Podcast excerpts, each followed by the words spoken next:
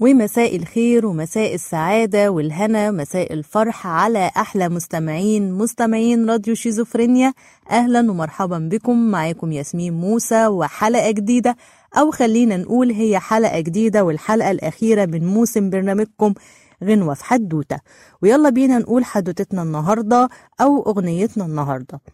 اتكلمنا قبل كده عن التراث الشعبي وإنه بيكون مهم جدا جدا التراث الشعبي ده بتحس إن الأغاني بيكون لها صدى وبتفضل متنقلة من جيل لجيل ومن ورا وجيل ورا بعضه وبيفضلوا يقولوها بنفس الطريقة. لكن بيجي في بعض الأوقات أو أحيانا بيحصل تجديد للحن بتاعها أو إنهم بيعملوا إضافة لها كموسيقى أو ألحان أو توزيع. لكن ده ما يمنعش إن ورا كل أغنية تراثية أو أغنية من التراث هي بيكون ليها قصة وليها حدوتة اتعملت علشانها. ومعانا أغنيتنا النهاردة من التراث الفلسطيني ومن أرض فلسطين والأرض العربية المقدسة أغنية طلت البارودة والسبع ما طل. قبل النكبة بفترة كان في حروب أو بيسموها يعني حرب ما بين ميليشيات أو نخلينا نقول عصابات الصي... الصي... العصابات الصهيونية وما بين الناس اللي موجودين أو العرب الفلسطينيين. وكان في رجال طبعا بيناصروا الثورة الفلسطينية وكان بيبقى فيه هجوم من الميليشيات أو العصابات الصهيونية على بعض القرى والم... والمدن. كان رجال الثورة الفلسطينية بيخرجوا عشان يدافعوا عن القرى والمدن بتاعتهم والمدن المجاورة. بكل وسيلة متاحة كانوا يقدروا يعملوها كانوا بيعملوا ده. وده سميت المقاومة الشعبية. وطبعا تمويلها أو قدراتها بتعتمد على التمويل الذاتي. كل واحد بقى يتبرع اللي يقدر يتبرع مثلا بفلوس اللي يقدر يتبرع بحاجة يبيع مثلا بيبقوا مثلا بيربوا حاجات في بيوتهم زي الطيور أو الحيوانات فيبيعوها فيشتروا بارود طبعا خلينا نقول إن البارود ده اللي هو السلاح في فلسطين بيسموه البارودة أو البارود كانوا بيبيعوا أي شيء وأي حاجة علشان يجيبوا الأسلحة اللي هي الخفيفة زي اللي بتكون زي المسدس أو البندقية. وزي ما قلت إن هما بيطلقوا على السلاح البارودة.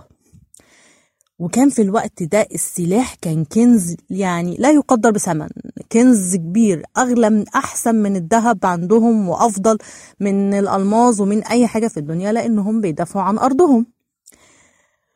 والفلسطيني كان اللي هم رجال الثورة دول الفلسطينيين كانوا بيعتنوا جدا بالبارودة بتاعتهم زي ما قلت لكم وكانوا في جميع رحلاتهم الجاهدية كان بيكون معاهم البارودة أو السلاح. وكانوا بيخرجوا للمعارك وكان وبي لما بيرجعوا بيستقبلهم بقى أهلهم بالترحاب وهم بيغنوا ويقولوا السبع طل طل السبع. راجع معاه بندقيته وشايلها على كتفه فبيستقبلوه الاستقبال الحافل. طيب اللي بيستشهد في الأرض المعركة فكان رفاقه ما بيسيبوش البارودة بتاعته يعني هما بيجيبوا رفاقه بيجيبوه هو وبيجيبوا البارودة بتاعته الخاصة بيه. ومن هنا جيت أغنية طلت البارودة والسبع ما طل وفضلت لحد الآن الأغاني اللي متوارثة من التراث الشعبي الفلسطيني واللي بنسمعها. من أجمل ما غناها كتير غناها لكن خلينا نقول إن سناء موسى هي اللي غنتها. وسناء موسى مشهورة جدا بأغانيها الوطنية والمناصرة للقضية الفلسطينية. ودي كانت حلقتنا النهاردة أو أغنيتنا النهاردة. وزي ما قلت لكم دي آخر حلقة. وأنا حبيت إن أنا أختمها من فلسطين أو من أغنية فلسطينية وتكون من التراث الفلسطيني.